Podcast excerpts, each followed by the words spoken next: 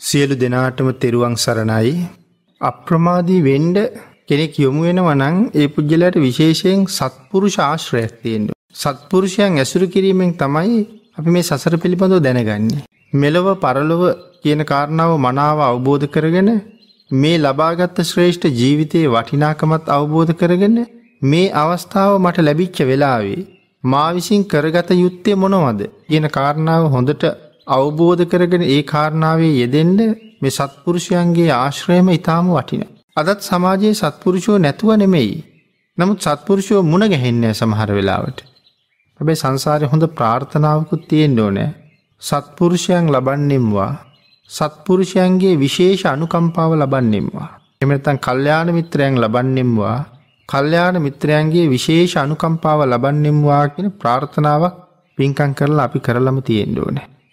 විශේෂ ප්‍රාර්ථනාවක් කරන්න පුළුවන්. හැබැ අපි අවසානයෙන් කරන ප්‍රාර්ථනාව බොහෝ වෙලාවට වන්දනා කරලා මේ ඉමිනා පුං්ඥ කම්මේන්න මාමේ බාල සමාගමෝ සතන් සමාගමෝ හෝතු යාවනි බාන පත්තිය. හැබැයි ඒ ප්‍රාර්ථනාව බුදුරජාණන් වහන්සේ ළඟ වාක්‍යයක් හැටියට කීවට නම් කවදාවත් ඒක සාර්ථක වෙන්නේ නෑ.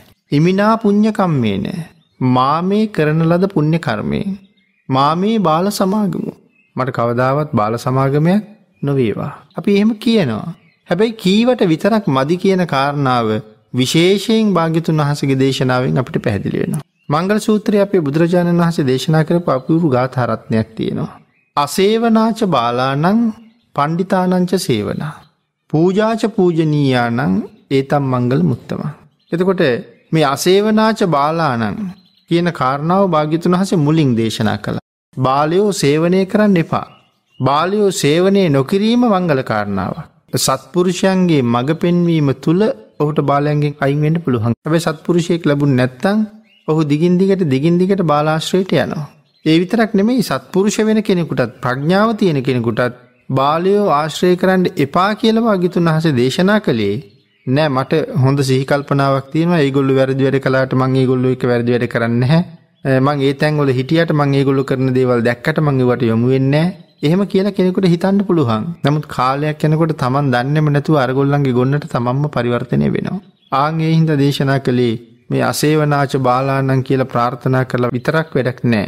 මා මේ බාල සමාගමෝ බාලයන් සමඟ එකතුවෙන් දෙපා කියලා නිකං කටින් විතරක් කියල බෑ. ඒ නිසා දේශනා කළා එහෙමනං බාලියෝ බැහැර කරන්න මොන කියලා. ඒකෙන් අපි අසුරු කරන සමාජය ඕන තරන් ඉන්නවා. අපිට කල්පනා කරන්න පුළුවන් අපි බාලයා කියන්නේ කවුද කියන කාරණාවත් දන්නවා. විශේෂයෙන් බාලයා කියන්නේ කවුද කියලා බාල පණ්ඩිත සූත්‍රයේ පැහැදිලි කරලා තියෙනවා. බාල පණ්ඩිත සූත්‍රයේ පැහැදිලි කරනකොට බාලයාගේ ලක්ෂණ තුනක් දේශනා කරනවා. කයෙන් වැරදි කරනවා. වචනයෙන් වැරදි කරනවා. හිතින් වැරදි කරනවා.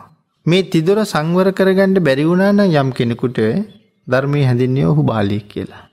එතකට මේ බාලයා ඇසුරු කිරීමෙන් ටිකෙන් ටික ටිකෙන් ටික අපි ඒ පැත්තට යොමු වෙනවා. පෙරහංකඩයකට කහට වැටුනහම ඒ කහට වැටිච්ච තැන එකම විදියට ගල් කැටයක් දැම්මවාගේ තියෙන්නේ. ඒක ඊට ටික ටික පෙරහංකඩේ පැතිරෙනවා.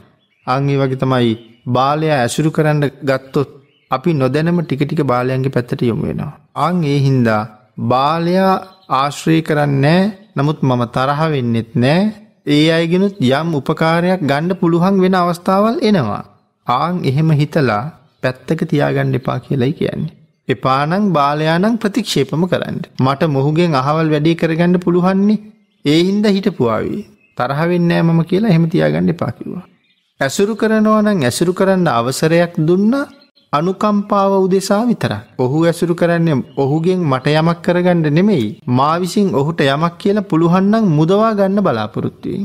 ආන්ගේ අනුකම්පාව උදෙසා විතරක් ඇසුරු කරන්න දීලා තියෙනවා හැබැයි යම් කාරණාවක් ඔහුට කියල දෙන්න යනවනම් ඒ කාරණාව ඔහුට කියල දීලා ඔහු ගවින් අයිගෙන්ඩුවන ඒකට විතරක් අවසර දිය